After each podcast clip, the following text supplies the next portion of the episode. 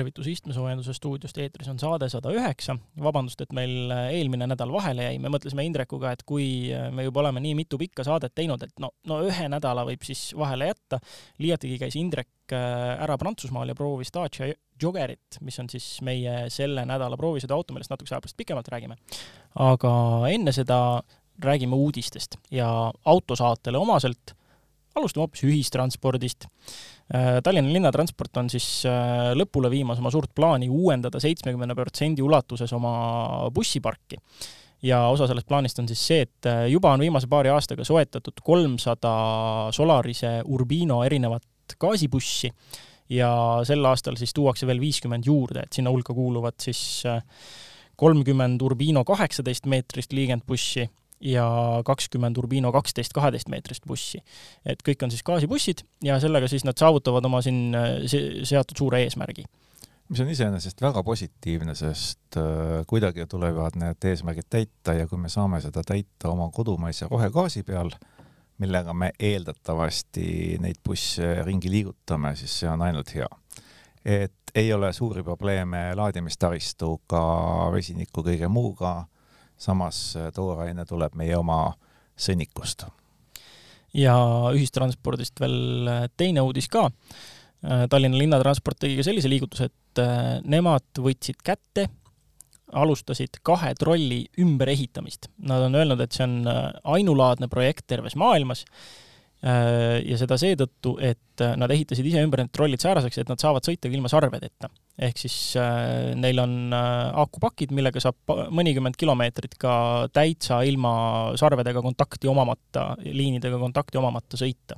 No selliseid projekte on maailmas tegelikult ju päris palju tehtud, et kui meenutada kas või seda, kuidas mõned äh, autofirmad, ma pean silmas veoautotootjaid, on tahtnud suurtele maanteeveokitele sarved külge panna, et sõidaksid natukene aega elektrivõjul ja siis jälle natukene aega liini peal. et äh, noh, mõte on vana, aga sellisel teostusel, et olemasolevale trollibussile nüüd äh, akupakk juurde ja teha ta kahekümne kilomeetri ulatuses autonoomseks, see on väga äge.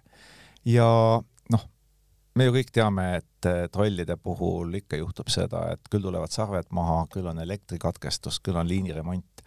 Sellisel juhul ei ole see mingi probleem, troll sõidab sellest mööda nagu tavaline buss järgmine uudis puudutab aga Renault, Nissani ja Mitsubishi liitu ja kui eelmises saates oli juttu Renault tulemustest ja noh, kõigist siis brändidest Renault tiiva all, siis äh, noh, seal väga palju rõõmustavat tegelikult ei olnud ja täna hommikul, kusjuures juhuslikult me käisime Indrekuga mõlemad ka sellisel äh, kohalikul väiksel konverentsil, kus neid müügitulemusi ja tulevikuplaane tutvustati.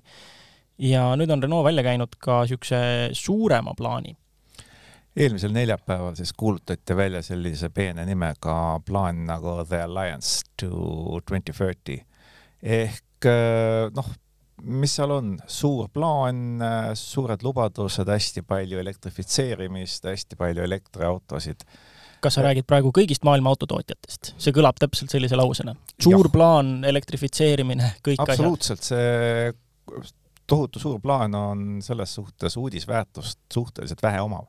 Aga miks ta on oluline, kõigepealt on see, et äh, üldse selline asi tehti, sest kui me meenutame, kui kahe tuhande kaheksateistkümnendal aastal Cost Killeril, Carlos Costnil käed raudu löödi Tokyo lennujaamas, siis sellest ajast saadik sai see, sai selle alliansi usaldusväärsus väga kõvasti kannatada ja ega me keegi ei uskunud, et kas ja mis sellest nagu päris tulema hakkab ja kas see ellu jääb ja noh, meenutades siis seda Kosni põgenemist ja kogu seda Seebi ooperit, siis äh, eks see avas oma valgust veel rohkem nendele pingetele, mis selles sees oli, et ega erinevad ärikultuurid äh, erinevatel kontinentidel ja nende kokkupanek ei ole väga lihtne. Aga fakt on see, et äh, praegusel hetkel on konkreetsed tegevusplaanid olemas konkurentsist tuleb ellu jääda ja vaenukirves maha võtta. ja mida me siis sealt teada saime või noh, tegelikult eks äh, me õigupoolest juba teame, et millest me saime kinnitust. kõigepealt see, et äh, uus Nissan Micra siiski tuleb, et see on juba kuues põlvkond ja me oleme Nissan Micrast kirjutanud varem nii Accelerista nädalapaaris ja oleme ka uue autonadest rääkinud, aga me ei uskunud väga, et kuues põlvkond tuleb, aga nüüd öeldi, et ta tõesti tuleb ja selle ehitab neile Renault. nii et äh, tõenäoliselt saab olema tegu Renault Clio'ga äh, Nissani kaubamärgi all järjekordselt. ja samas Renault Clio omakorda siis ähm, asendab äh, Renault viis uus versioon, et äh, selline ümbermäng, mis ei ole enam suur uudis, ühtlasi on uudis võib-olla rohkem see, et Mitsubishi, mis noh, põhimõtteliselt eurooplaste jaoks on surnud autotootja olnud juba mõnda aega, on ikkagi otsustanud äh, mingis äh, vormis tagasi tulla Euroopasse ja seda siis äh, lausa kahe Renault toodetud mudeliga, aga need ongi põhimõtteliselt noh, sisuliselt Mitsubishi märki kandvad Renault, aga sellegipoolest saab öelda, et Mitsubishi tuleb Euroopasse tagasi. jah, sest ju meenutame täpselt poolteist aastat tagasi, kahe tuhande kahekümnenda aasta juulis Mitsubishi teatas ametlikult, et nemad Euroopasse ühtegi uut mudelit ei too ja olemasolevad mudelid on liinil senikaua, kuni kliente leidub ja pärast korjatakse lihtsalt ära. Ja läks mööda vähem kui aasta ja kahekümne esimese aasta märtsis, ehk siis nüüd pisut vähem kui aasta tagasi, eh, Mitsubishi ütles, et ei ole siin midagi, me ikkagi tuleme Euroopa turule, sest meenutame, varem oli ju selline plaan, et jagavad kolm suurt, jagavad maailma ära, et Renault jääb peamiselt Euroopasse, kus ta positsioon on vaieldamatult kõige tugevam, tal on ka tugev positsioon Ladina-Ameerikas, Nissan võtab endale peamiselt Põhja-Ameerika ja Mitsubishi hakkab katma Aasiat, ehk niimoodi selline ümberjaotus arvati, saab olema kõige efektiivsem, aga nüüd selgus, et ilmselt on mõistlik ikkagi mudeli valikut laiendada ja ühes kohas toota siis neid erineva embleemiga, aga suhteliselt sarnaseid autosid. noh, nagu saigi öeldud, et äh, Mitsubishi ASX, mis on ju kahe tuhande kümnenda aasta mudel ja mis on noh, no ikka ütleme otse vana siin on äärmiselt vastupidav auto, vähenõudlik, lollikindel, kõik head omadused, aga noh, vana ja üsna spartalik, et äh, see läheb nüüd pensionile ja noh, diislit oleme näinud äh, hakkab ikkagi olema uue Renault Capture kloon, küll mitte sarnane, aga samu kereplekk ikka natuke jagatakse. ja tehakse ju samas äh, tehases, kus kapp tõdki Hispaanias. Noh, teisest Mitsust me teame vähem, aga see saab olema ilmselt Qashqai Australi kloon, et samamoodi ühel platvormil tuleb siis kolmas auto, et miks mitte. Äh, nüüd enne päris mitu uudist, enne kui me läheme nädala proovisõidu auto juurde, räägime Dacia uudistest. palju siin ei ole, noh, Indrek käis proovis siis äh, Joggerit, see on äh, uudismudel ikkagi Dacialt, äh, viie- ja seitsmekohaline auto, mis peaks asendama mudeli valikusse nii kolm autot, sellest, sellest natukese aja pärast pikemalt. Aga teada on ka Springi, mis on nüüd Euroopas olnud ikkagi vägagi edukas on teada, on ka Springi Baltikumi müüginumbrid ja neid autosid läks nelikümmend seitse, mis tegelikult arvestades seda, kuidas, kuidas meile täna hommikul sellel konverentsil kirjeldati, kuidas see tellimise protsess siis äh, edasimüüja poolt käib, ei ole üldse mitte paha tulemus. et äh, nii palju siis Daciast, edasi hoopis Škodast.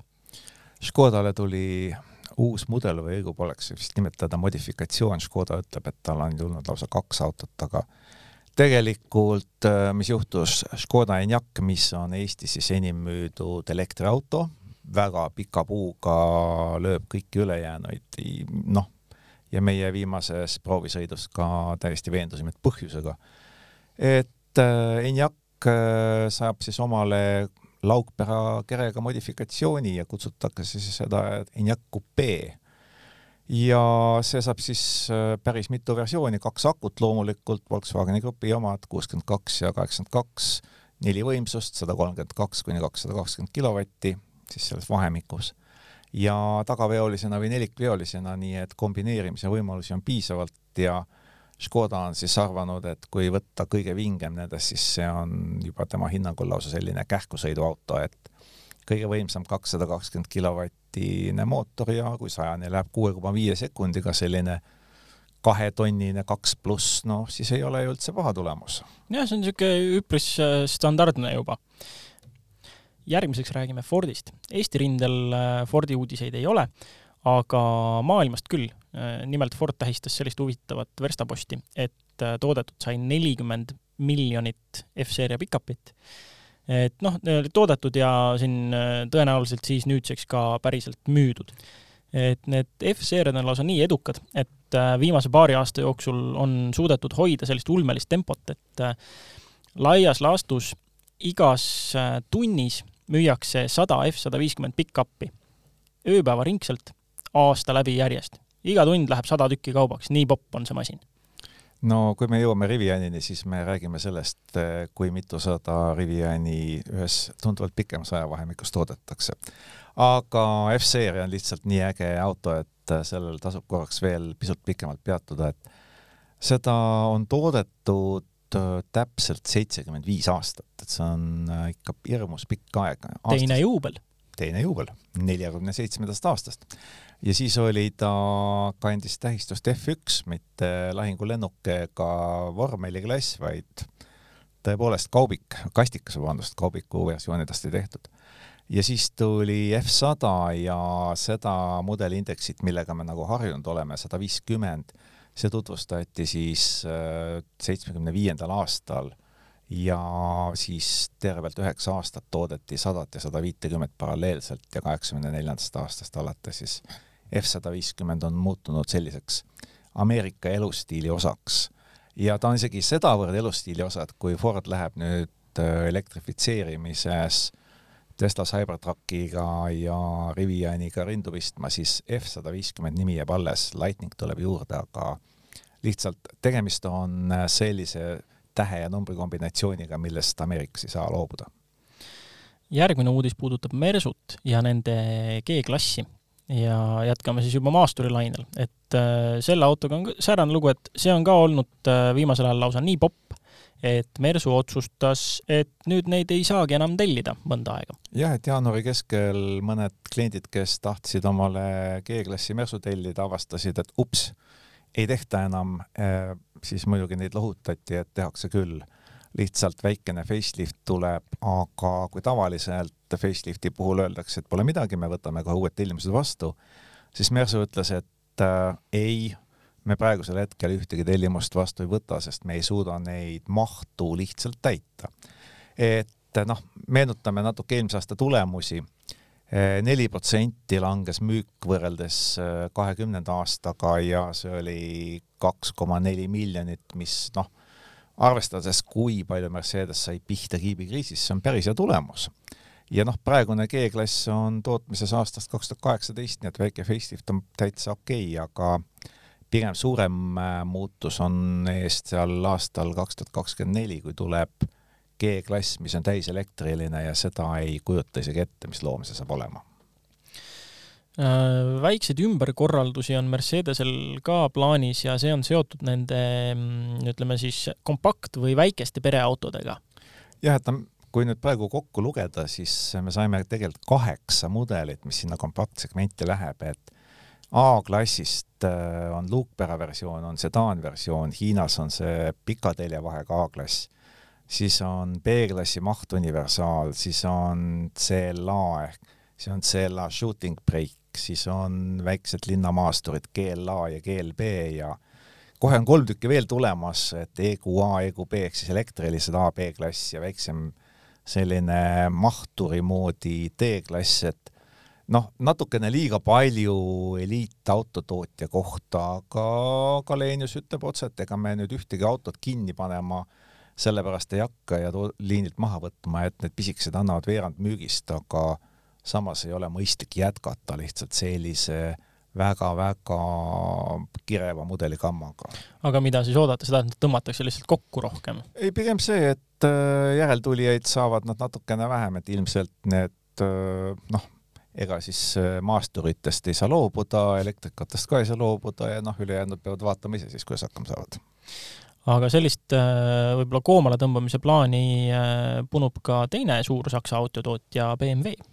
Et neljanda ja kaheksanda seeria kupee ja kabriolett on ka kavas üheks mudeliks teha ja kuuenda seeria alla kokku tuua, et umbes kahe tuhande kahekümne kuuendal aastal uue platvormi peal see juhtuma hakkab, et aega sinnani veel on, aga noh, ütleme nii, et kaheksanda seeria müük on ikka väga tagasihoidlik olnud ja ilmselgelt ei tasu neid eraldi mudelitena pidada. Äh, BMW osas see asi läheb, no ütleme, see, see mudeli äh, nomenklatuur läks mingil hetkel päris kirjuks ja segadusse ajavaks ikkagi, et mingid, mis olid enne üks seeria, kolisid teise alla ja kogu see mootorite loogika juba ka on ammu vastu taevast läinud, et see, kui on viiskümmend lõpus, ei tähenda enam viieliitrist mootorit, seal on mingisugused ülelaadimisega seotud asjad juba vahel ja ühesõnaga, selles mõttes on lootust, et asi läheb natukene vähem kirjuks ja seda ka selles võtmes, et BMW lõpetab oma V kaheteistkümnete tootmise.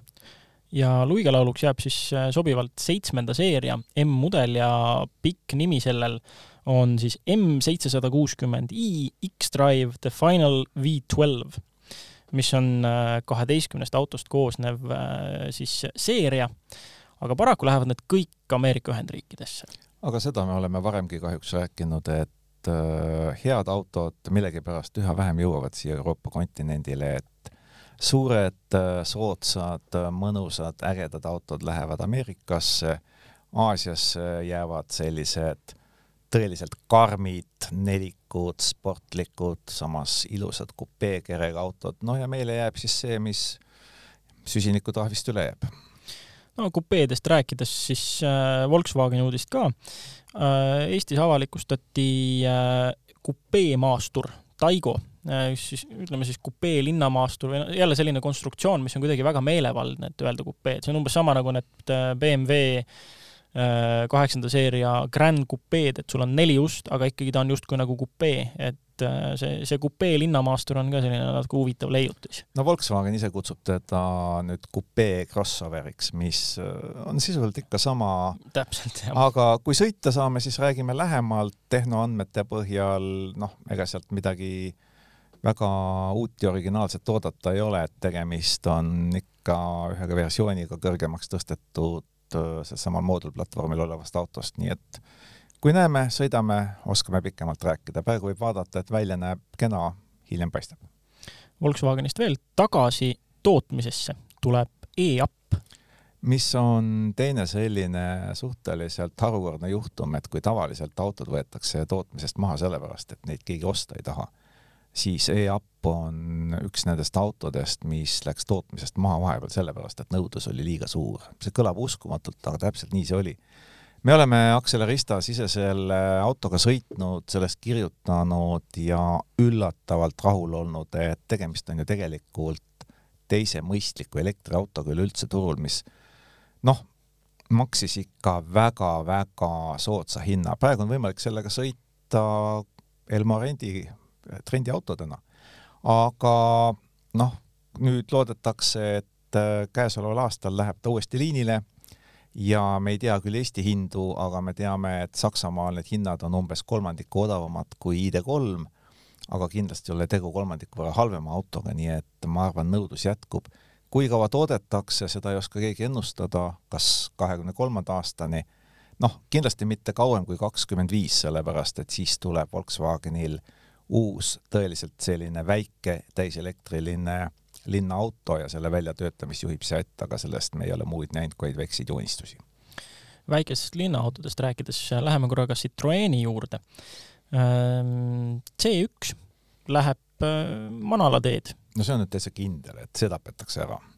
aga eks tal ole ajalugu ka juba, et seitseteist aastat tehtud ja üks koma kaks miljonit selle aja jooksul ära müüdud et see oli ju selline huvitav auto, mida tehti koos Peugeot ja Toyotaga, kes kõik kolm ei ole sugugi mitte ühte kontserni kuuluvad ettevõtmised.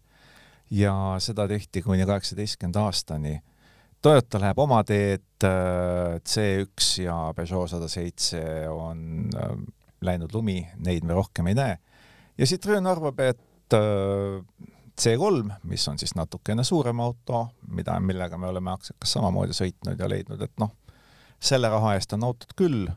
Ja teine siis Ami, mis peaks nüüd kohe päris müüki meil jõudma käesoleval aastal, mis ei ole tegelikult auto, vaid kas ta on siis neljarattaline mootorratas?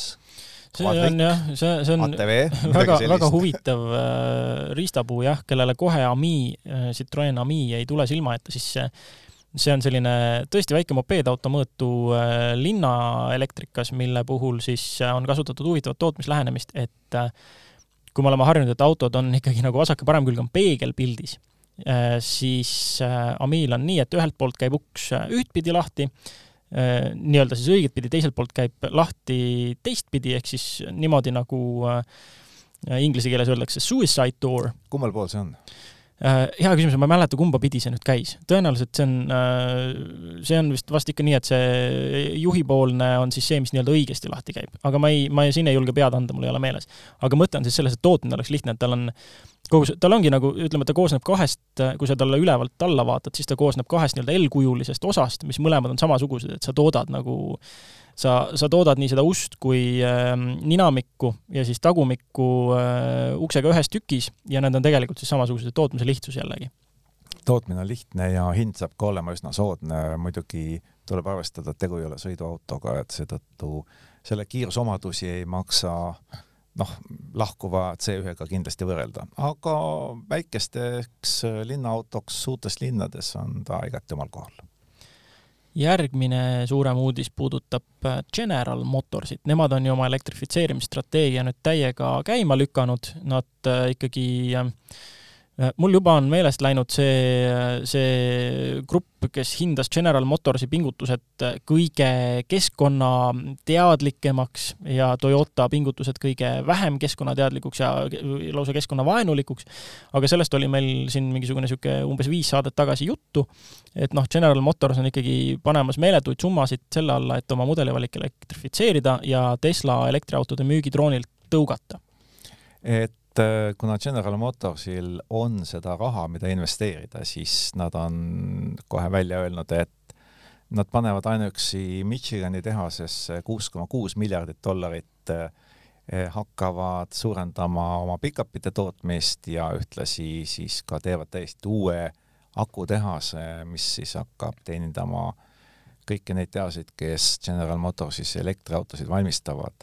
ja nad on kavatsevad seda kulutusi teha siis kuni kolmkümmend viis miljardit dollarit, et äh, siis kogu Põhja-Ameerika tootmisvõimsust kahekümne viiendaks aastaks sinnamaani viia, et toota miljon elektriautot aastas, ehk see on siis täpselt sama palju, kui Tesla praegu suudab täpselt. toota.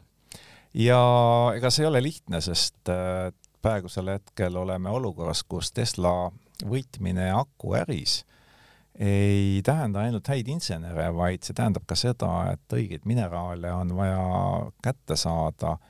Tesla ju investeeris enne, kui nad oma praeguse masstootmiseni jõudsid, ikka päris palju kuni kaevandusteni välja, et Tesla on sellest ammu aru saanud, et autode ehitamine on palju rohkem kui lihtsalt liini peal kokkupanek ja ja General Motors tegi selle vea, et kui nad Chevy Bolti turule tõid, siis nad said aru, et et äh, nii lihtne see ei ole ja loodetavasti on sellest õpitud, aga aga muidugi nüüd just jutt läkski juba sujuvalt Teslale, et äh, Elon Muskil on teine jutt, et Elon Musk räägib praegusel sellest, et tööstust muudavad mitte sõiduki tootmine, vaid selle aluseks olevad teenused ja täpsemalt autonoomne sõit, et kui me mõtleme startup idele, mõtleme kõigele sellele, kus nagu tuleviku raha liigub, siis kõik ootavad seda suurt pauku, kokku autonoomses sõidus.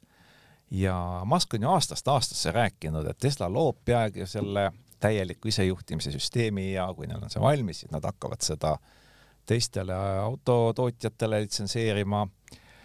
ainult et mida enam Tesla hakkab muutuma igavaks autotootjaks, seda vähem on Muskile vaja siukest jama ajada, et et, et see võidujooksu võit on ikka veel väga kaugel ja võitja on ikka täiesti selgusetu aga Tesla on muutumas igavaks autotootjaks, aga tal on General Motorsi ainuüksi plaanidega võrreldes neli aastat edumaad.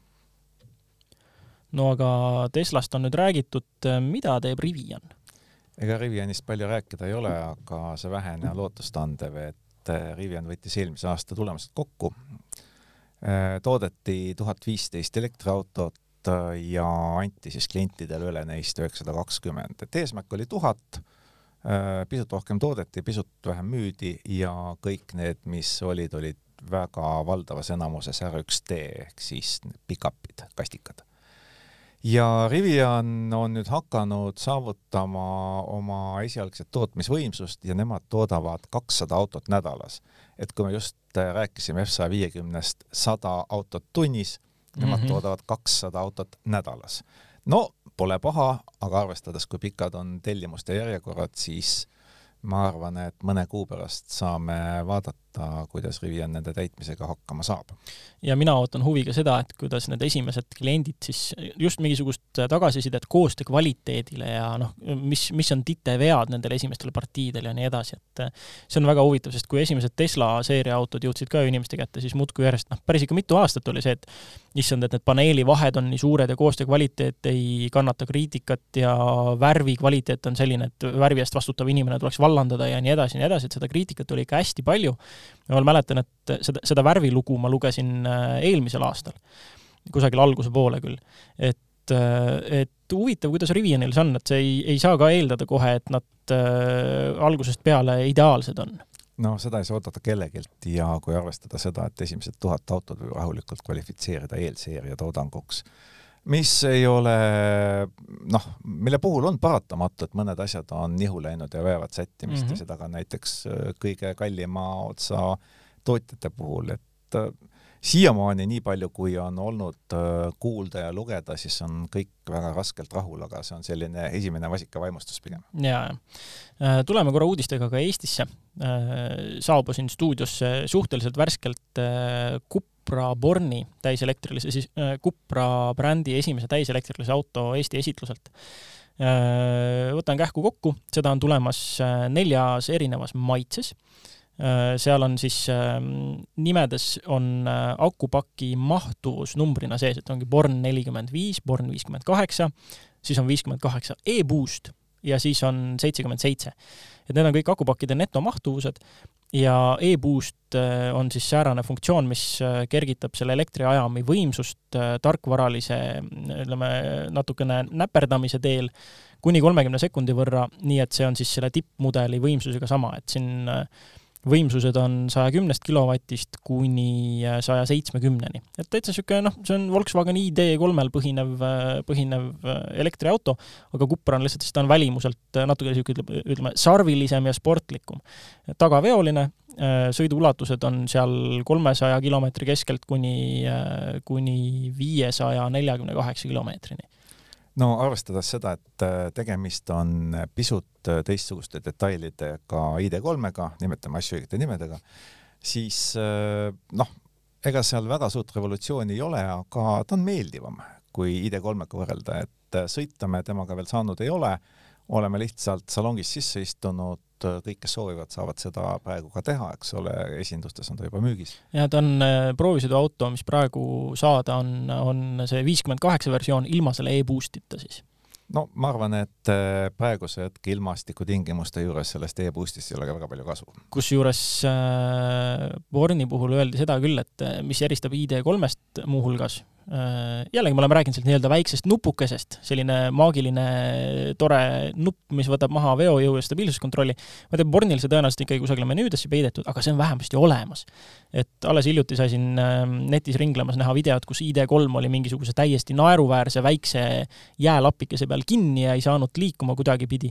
et et äh, noh, siis on lootust, et Born vähemasti saab siin meie oludes hakkama ja kaabib ennast selle väikse jäävälja pealt ikkagi minema, kui tarvis on. noh, clearance ei ole tal muidugi kuigi kõrge, nii et selles suhtes peame arvestama, et kui ta ikka põhja peale kinni jääb, siis ei päästa see nupp ka.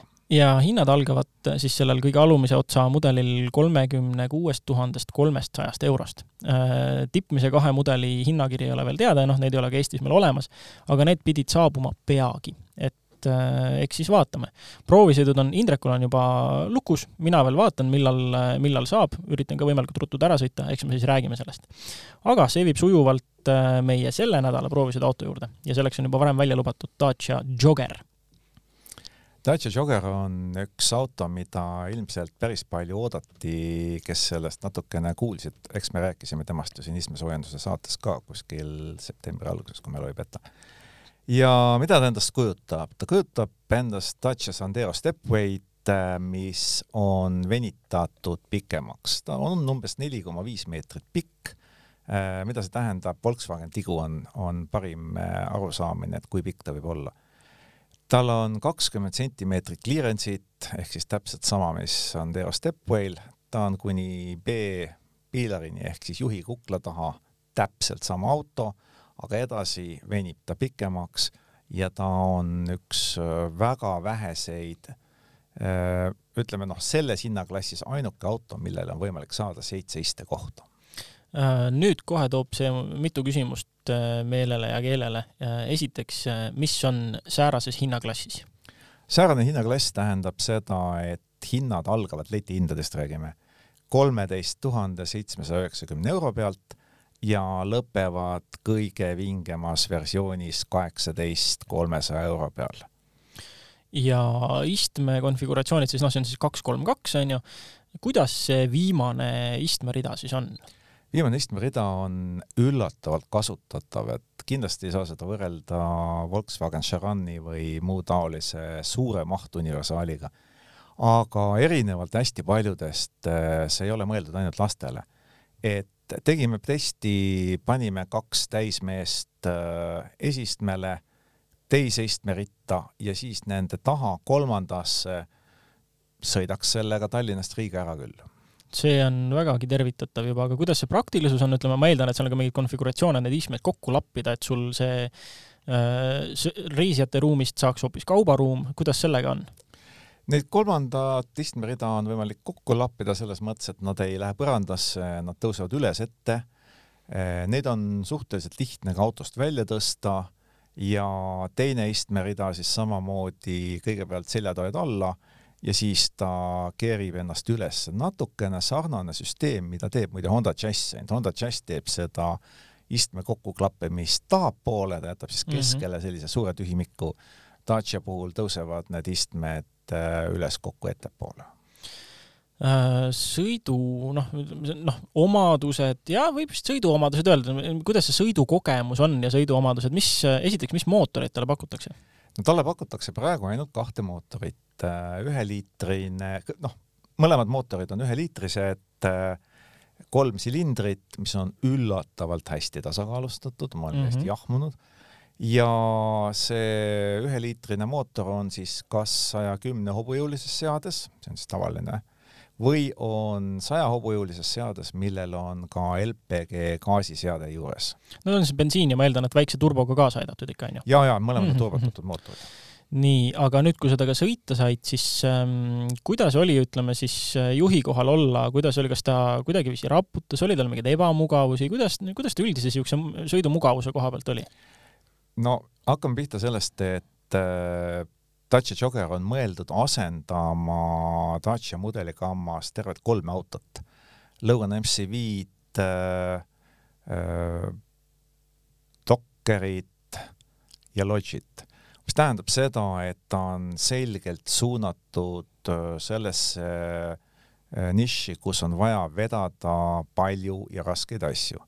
mis äh, arusaadavalt tähendab seda, et selle auto vedustus on keskmisest jäigem ja see on sõites tunda, aga see ei ole sugugi paha, et juhitavus on igati okei okay.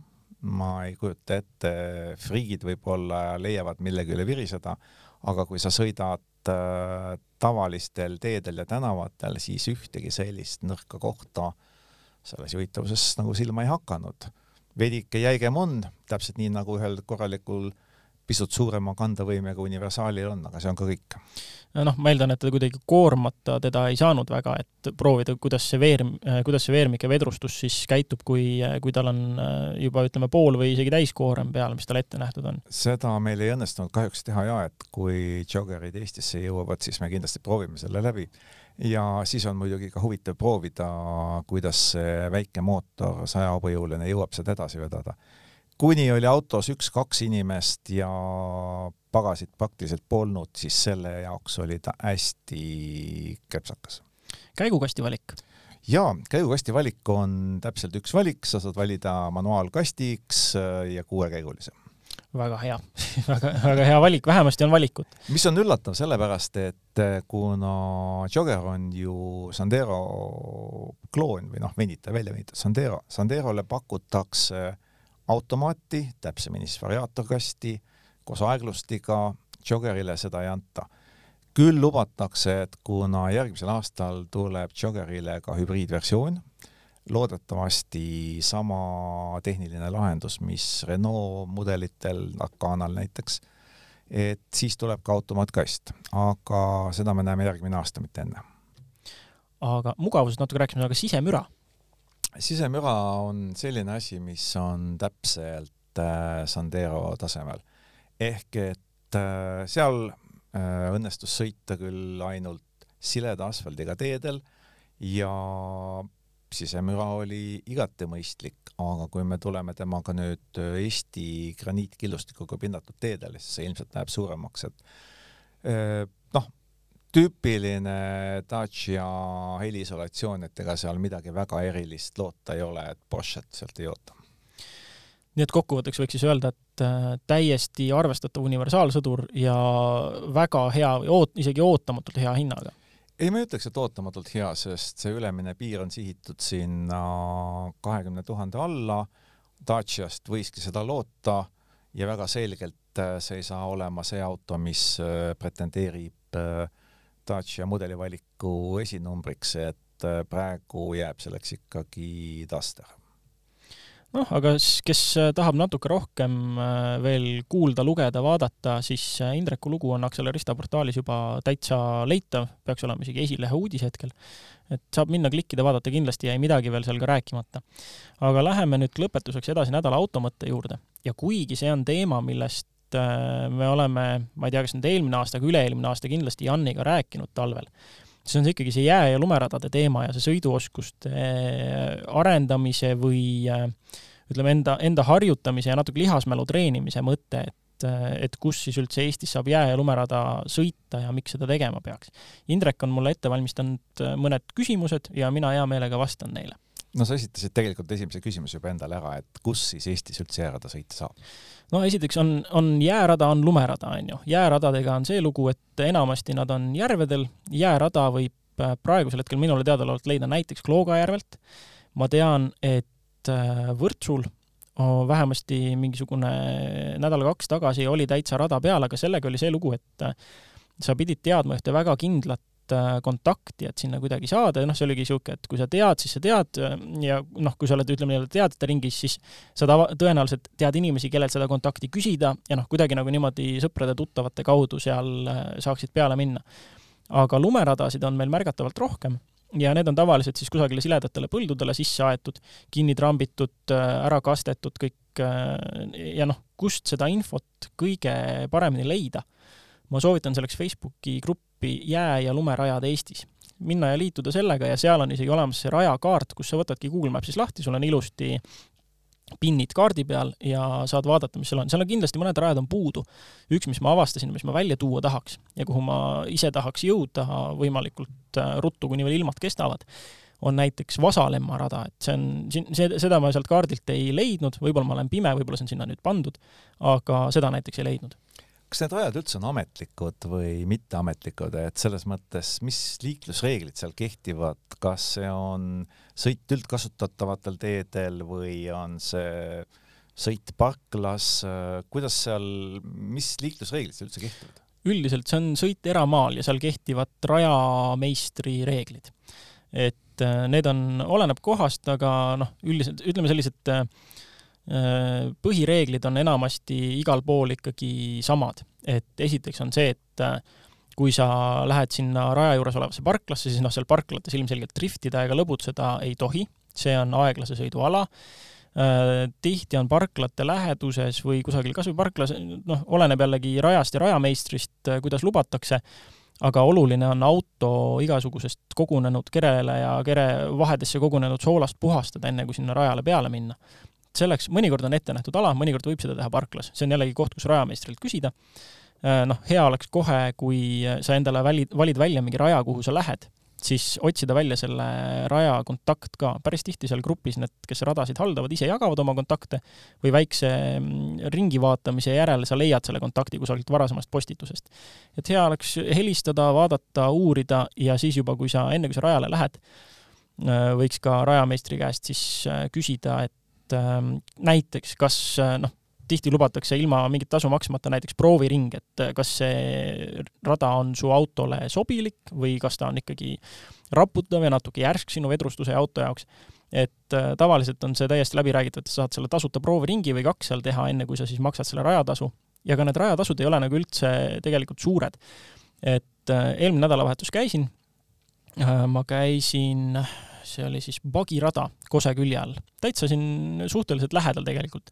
enamus neid radasid paiknevad põhi, rohkem seal äh, kagu poole ja noh, siis mingisugune niisugune Tapa kant ja noh, ja sealt kaugemale ja edasi veel.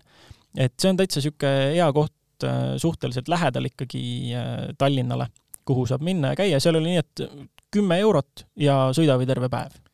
no tegelikult tahtsin küsida, et mis see maksab, aga ma küsin nüüd sellise päris nullküsimuse, et kui esimest korda jäärajale minna, millega peab arvestama, mida peab mõtlema, milleks peab valmis olema ja ma kohe küsin, et äh, kellel on see mõeldud, et järsku võib-olla ma ei tohigi sinna minna ja ja, ja mis äh, ohud sellega kaasnevad? järgmine asi on, ütleme, see on niisugune rajaetikett, mida võiks teada. see on see, et kui sa sinna raja peale lähed proovima pidamise piire ja seda, kuidas piirsituatsioonis autot tagasi tuua või kontrolli, kontrolli all hoida või lihtsalt lõbutseda, mis iganes eesmärgiga sa sinna lähed, siis äh, hea tava on see, et kui tagant keegi tuleb, kui ta on sinust kiirem, noh, ilmselgelt kui mingil hetkel sul, ühel hetkel sul ei ole kedagi taga ja järgmisel hetkel keegi on sul selja taga, siis ta on sinust kiirem. siis sa pead ta mööda, peaksid ta mööda laskma. et see on äh, üldiselt, äh, sellele vaadatakse ikka väga viltu, kui sa päris kaua kedagi enda taga kinni hoiad kuidas mööda lasta, äh, on, siin on kaks lähenemist võimalikud. et äh, kõige turvalisem on see, et äh, olenemata sellest, mis kurvid sul parasjagu on, sa võtad kiirust maha, paned parema suuna sisse ja tõmbad paremale rajaserva ja lased endast vasakult mööda. see on üks viis, kui selleks ruumi on. teine, mida noh, mida teevad juba üldiselt inimesed siis, kui nad seda rada paremini tunnevad, on see, et sa lähed siis sõidujoonelt kõrvale ja näitad siis sellega seotult vastassuunas äh, suunda, et sa lubad inimese endast mööda. et siis äh, a la vasakkurv, sõidujoon on äh, näiteks pigem väljas, siis sa tõmbadki sinna vasakule sisse ja näitad vasakut suunda. aga nüüd, kui rääkida ohtudest, et ütleme nii, et kui sa ei ole väga suure sõidukogemusega ja tõesti tuled, mis on need ohud, millega peab arvestama või mis on need riskid, et tänavaomi me teame, aga mis on, mille poolest need erinevad? Alati on oht muidugi ennast kinni sõita kuskile, üldiselt on äh, seal, äh, jällegi oleneb rajast, aga enamasti on lähikonnas olemas kas mingisugused tõmbevõimekuse või vintsiga ATV-st kuni mingite autodeni või traktoriteni välja. et äh, jällegi see, kui midagi juhtub, kui sa sõidad enda hange kinni, siis veendud, et autost on turvaline väljuda, annad kas mõnele järgmisele möödasõitjale märku, noh, tavaliselt piisab sellest, et üks-kaks inimest juba lükkavad ja nõksutavad seda autot ja ta tuleb sealt hangest ilusti välja ja tagasi rajale. tähtis on see, et sa oleksid lihtsalt nähtav selle käigus. Ähm, mis seal veel on, noh jah, kui on suuremad asjad muidugi, siis on natukeseks ajaks rajasõit ähm, pidurdatud, kui mingi traktor või ATV või mingi asi tuleb sind seal välja tõmbama. Äh, enamasti noh, jälle oleneb ilmast. muidugi on see oht, et äh, need vallid raja ääres on juba kõvaks külmunud ja et siis sa võid seal ikkagi midagi ka mõlki sõita aga noh, see on jällegi see, et äh, natuke tuleb siin sellele ene, enesealalhoiu instinktile rõhuda, et kui sa päris nagu enesekindlalt ennast ei tunne, siis äh, ei tasu veel kohe suuri kiirusi arendama hakata. Äh, muud ohud veel, noh, mis on näiteks paljudel talvedel on inimesed kurtnud selle üle, et kui näiteks Männikule minna, siis no Männik on nii lähedane koht Tallinnale, seal käivad igasugused harjutamas ja proovimas. Ja seal on see, et sa võid olla ka oma mingisuguse uuema autoga või mis iganes, liisinguautoga, millega iganes. Ja mingisugused bemmiroimad otsustavad sulle külje alla ronida ja teha siis nii-öelda tandemdrifti ja võimalikult lähedale saada sulle, et no selle käigus ilmselgelt on ohud nagu teada, et noh, jällegi see ei ole hea tava, kui sa ei ole kelle, juhiga eelnevalt kokku leppinud, lihtsalt talle võimalikult lähedale külje alla ujuda, see on lihtsalt õnnetus, mis ootab juhtumist. Aga nüüd, kui oletame, et see õnnetus on juhtunud ja sa rääkisid liisingautodest, äh, kuidas kindlustus sellesse suhtub, liikluskindlustus, kasko, kas need üldse kehtivad seal? suure tõenäosusega mitte, sellepärast et äh, tegu ei ole avalike teedega. et see, sellega on, Janniga jälle kunagi oli juttu, ta, ta suutis põhja peale kinni jääda mingile, mingile teejupile ühe maastikuautoga kunagi, kui proovisõiduks oli, ma ei mäleta, mis see enam oli. Aga seal oli ka kemplemist natukene kindlustusega, kemplemist natukene selle treileri mehega, aga laias laastus jah, see, et ikkagi tegu peab olema avaliku teega, et, et kindlustus kehtiks, et kui sa seal rajal oled, siis väga suure tõenäosusega on see sinu oma vastutus ja kui keegi teine selles äh, laksus süüdi on, siis noh, siis te peate selle ise seal selgeks vaidlema ikkagi mm. -hmm. ja aga mida see kõik, miks seda üldse teha, mida see head annab? eks see lõppkokkuvõttes on ikka oma auto tundmine.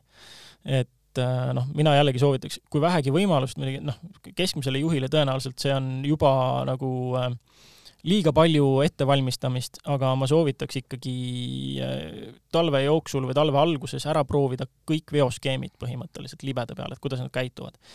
kuidas reageerida alajuhitavusele, kuidas reageerida ülejuhitavusele ja kuidas auto libisemisest tagasi tuua võimalikult kiiresti ja võimalikult vähe, ütleme siis võimalikult vähe nii-öelda raja või tee laiust kasutades, sest see on tegelikult, kui liikluses mingi ootamatus juhtub, siis see on just see kriitiline faktor, et äh, kui sa sõidad kusagil maanteel ja sul äh, läheb auto libisema, siis tegelikult, kui sul noh, sul ongi see, et sa võid mõelda, et sa oled sõidujumal number üks ja igast asendist oskad driftida ja päästa ja tagasi tuua ja mida iganes aga kui sa lased seal ikkagi kusagil äh, mingisuguses maanteekurvis terve auto laiuses risti ennast, siis no keegi tuleb vastu, sul ei ole seda ruumi, et teda tagasi tuua.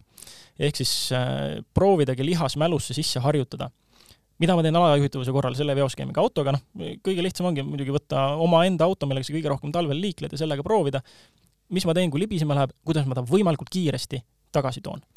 Ma mõtlesin just, et sa ütled, et kuidas äh, võimalikult kiiresti ja võimalikult väikest et mootori jõudu rakendades, sest mootor on reeglina juba kinni poodud, on külili. jah, et noh, et ongi see, et esialgu harjutada seda, et kuidas tagasi tuua, kuidas päästa, ja siis on muidugi ka see lõbutsemise faktor sealjuures, et no enamus ikkagi lõppkokkuvõttes lähevad sinna ju lõbutsema. seda enam need katsetused ära, sa tuletad endale meelde, kuidas oma konkreetset autot tagasi tuua ja siis sa lähed sinna juba lõbutsema, driftima, käsipidurit rebima, mida iganes, et siis juba on see, et sa üritad üritadki, ütleme, oma autoga tantsida, hoida teda ikkagi võimalikult pikalt külge ees, kurvides siis äh, suunavahetused, äh, massiülekanne, mis iganes, kuidas, äh, kuidas su auto käitub, kuidas, kuida-, kuidas sa hoiad teda jätkuvas libisemises kogu aeg, et eks see on see lõbutsemise peamine eesmärk seal vist.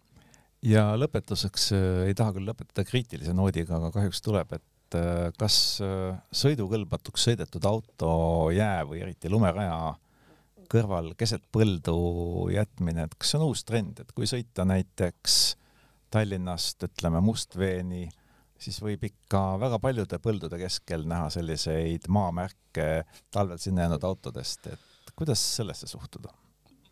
kusjuures äh, ma pean tunnistama, mina selliseid maamärke väga nagu näinud ei olegi aga noh, kuidas sinna ikka suhtuda, eks see on jällegi autoomaniku ja maaomaniku omavaheline kokkulepe, on ju, et äh, ma eeldaks, et maaomanik ikkagi tahab, et ähm, mingisugune rümp võimalikult kiiresti tema maa pealt ära toimetataks. Ja see tuletab mulle meelde veel ühe asja, mis seal nii-öelda etiketis jäi välja toomata, et äh, kui see autoga lekib, veendu veel korra parklas, jätta ta seisma, käima ja vaata, ega ta ei leki sul kusagilt õli või jahutusvedelik või mida iganes, mis äh, jällegi teiste lõbu seal rikkuda võib ja raja kvaliteeti, et äh, jällegi noh, ilmselgelt äh, hea tava, aga ütleme ka nagu common sense on see, et su auto on ikkagi tehniliselt korras, kui sa sinna sõitma lähed aga jah, see, kui ikkagi noh, juhtub igasuguseid asju, võib juhtuda ka õnnetusi, mille tõttu tõesti noh, mis iganes, sõidad omal radika lund täis, kuumeneb üle või noh, mingisuguseid olukordi, kus tuleb seisma jätta. ma eeldan, et maaomanik ikka palub sul võimalikult kiiresti see ära toimetada ja kui, kui sa näed neid vedelevaid rümpasid ikka tihti, äkki on võimalus, et see on ikkagi maaomaniku enda auto seal? Sellisel juhul on sel maaomanikul küll palju autosid olnud. Aga see oli meie saja üheksas saade tänan äh, kõigile, kes meid siiamaani kuulata viitsisid ja loodame, et tulete järgmisel nädalal kuulata jälle, aitäh! Kuulmiseni!